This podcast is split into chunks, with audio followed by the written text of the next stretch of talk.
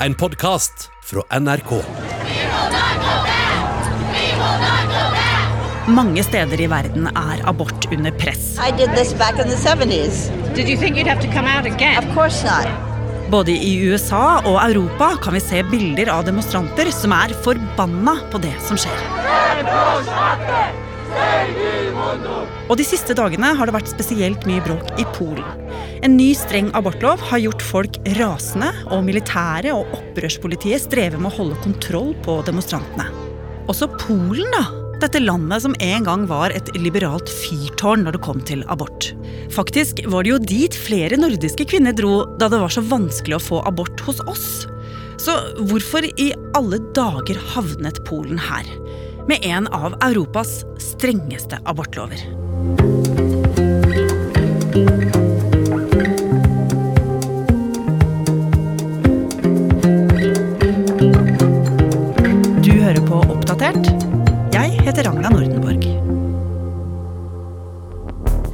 I flere dager nå så har jo polske kvinner demonstrert mot den nye abortloven i Polen. De har tatt seg inn i kirker, hvor de har tagget slagordet 'kvinners helvete' på veggene. Og jeg så også en demonstrant eh, i Warszawa som holdt opp plakater hvor det sto 'Jeg skulle ønske jeg kunne abortert bort min egen regjering'. Eh, Så dette sterkt katolske landet har jo aldri opplevd slike markeringer tidligere. Guri Nordstrøm er utenriksjournalist i NRK Nyheter, og så har hun vært korrespondent i Berlin. Det de er så sinte for, det er jo at det nå har kommet en ny lov i Polen som gjør det nærmest umulig å ta abort eh, for kvinner. Og mange har nå fått nok. De mener at eh, landet har utviklet seg helt i feil retning når det kommer da til kvinners rettigheter og ikke minst retten til å bestemme over sin egen kropp. Og at det har blitt så strengt i Polen, det er jo litt rart å tenke på, fordi det har jo ikke alltid vært sånn. Nei, det stemmer, og det som er interessant, det er jo at disse strenge abortreglene som gjelder i dag, de gjaldt ikke for mødrene og bestemødrene til de kvinnene som demonstrerer eh, nå i dag. Det må du fortelle mer om. Ja, da må vi tilbake til eh, slutten av 40-tallet, 1950-tallet. 11 rocznicę napaści hitlerowskiej na Polskę, w obliczu amerykańskiej napaści na Koreę, På den tiden så var jo Europa på mange måter delt i to etter andre verdenskrig. I vest så hadde du da den frie, vestlige verden, mens i øst så hadde du mange land som var en del av, eller som ble styrt av kommunistiske Sovjetunionen, og blant dem så var Polen. Og fordi kommunismen er antireligiøs, altså at kirken ikke hadde så mye den skulle si i samfunnet, så hadde disse landene et såkalt liberalt syn på abort. Det vil si altså at det var, det var lett å få tatt abort. Og siden det var så lett å få tatt abort, så var det faktisk ikke uvanlig at kvinner fra andre land, f.eks. her fra Skandinavia, altså Norge, Sverige og Danmark, de dro over til Polen for å ta aborten som de ikke fikk lov til å ta i hjemlandet på den tida. Og sånn geografisk så ligger jo Polen helt på grensa til vest, og det er da bare en båttur over Østersjøen til Sverige, så det er jo en relativt eh, kort tur. Der ble jeg mot- mottagen på beste sett. De fødte om meg utrolig fint. Dagen efter jeg kom dit så fikk jeg åka inn til gynekologen og hela eh, skrapningen den utfördes på ti minutter, så fikk jeg åka hjem. Men så skulle det skje noe som gjorde at alt dette ble satt en stopper for. Den sovjetiske presidenten Mikhail Gorbatsjov er avsatt. Mot slutten av 80-tallet så gikk det enorme landet Sovjetunionen i oppløsning. Det hadde jo fram til da vært verdens største stat og dekket en sjettedel av jordas eh, overflate. Og det at de gikk i oppløsning, det gjorde jo også at de mistet eh, makten mange steder i verden, og også den sterke innflytelsen som de hadde hatt i Polen. Så i 1989 så kvittet polakkene seg med det kommunistiske styret de hadde hatt til da, og var altså det første landet i den tidligere østblokken som gjennomførte et fritt og demokratisk valg. Ja. Og siden religion da ikke hadde hatt noen plass i samfunnet på veldig mange år, og siden mange polakker faktisk var troende katolikker, så ble resultatet i Polen at de neste årene så beveget de seg mer og mer i konservativ retning, også når det kom til abort. Og det førte jo til at polske kvinner de møtte en helt ny virkelighet.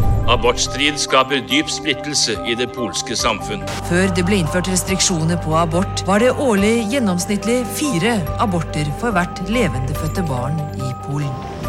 Allerede i 1993, bare fire år etter at Polen ble selvstendig, innførte den polske regjeringen en ny, streng abortlov.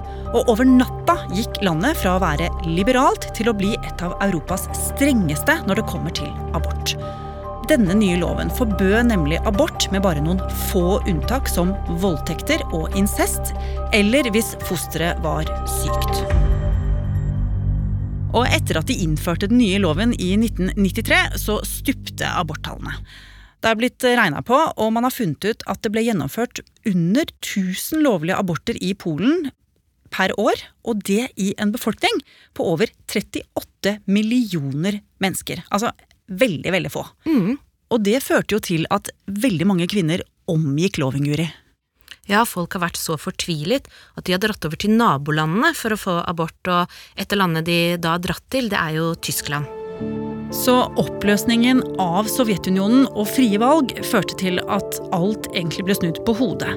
I stedet for at skandinaviske kvinner dro til Polen for å ta abort, så var det nå polske kvinner som dro til utlandet for å gjennomføre inngrepet der. Og en av dem er eh, polske Isabella, som jeg møtte i Warszawa for eh, to år siden. I was surprised by everything abroad. Nobody judges me whether I want to continue my pregnancy or end it. Not I will be doomed in hell, what you can hear in Poland from a doctor, from a nurse. Ja, og mange polske kvinner har jo vært fortvilet over dette i mange år, for de har jo sett at andre land rundt dem har fått mer liberale abortlover, og dette var jo grunnen til at jeg dro til Polen for to år siden for å lage dette innslaget, nettopp fordi da hadde mange polske kvinner håp, de hadde sett eh, hva som hadde skjedd i Irland, hvor det hadde blitt eh, lettet veldig på abortloven, og de håpet jo at dette her også skulle skje med dem. Og dette var jo for to år sia. Men nå, i oktober i år, så ble dette håpet knust. Og det ble grundig knust, for det ble ikke bare like strengt, det ble faktisk enda strengere. Og det vedtok altså Polen akkurat. Ja, for som du sa i stad, så var det jo etter 1993 bare tre grunner til at man kunne få ta abort. Incest, voldtekt eller dersom fosteret er sykt. Men nå er altså den siste muligheten, at man får ta abort når fosteret er sykt, den er strøket av lista. Ja, nemlig. Og en av de tingene som har vært i debatten her, eh, det har jo vært at man har trukket frem at eh, dersom fosteret kanskje mangler halve hodeskallen, så skal man likevel eh, føde det. Altså uansett hva slags misdannelse fosteret har, så skal kvinnen gå igjennom en fødsel, fordi de som har fått igjennom denne innstramningen, de mener at barnet må bli født slik at det kan bli døpt, og slik at det kan bli begravet og få et navn.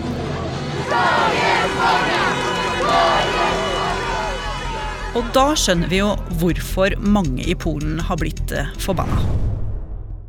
Så dette har gått fra strengt til enda strengere, altså.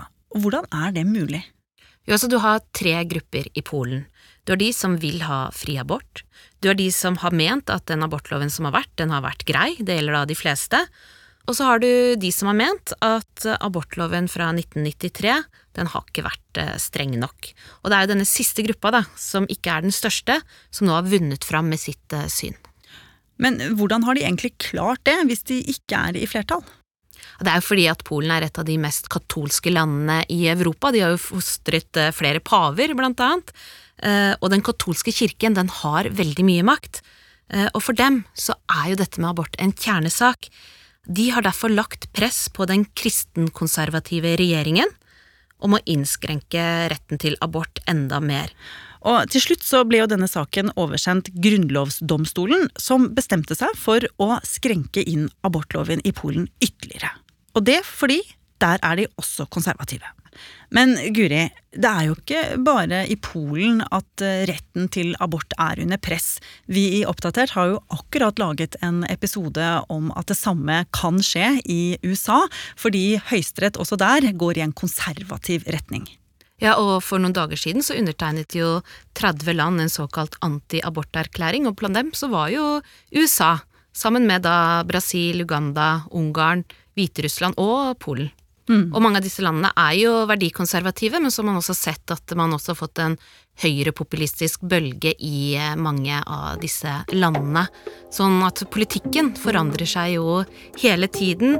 Og vi skal jo faktisk ikke lenger enn til vårt eget land Norge. Det er jo ikke mer enn et år siden, vel, at regjeringen vurderte å endre deler av abortloven her. Og dette førte jo også til store demonstrasjoner eh, her til lands.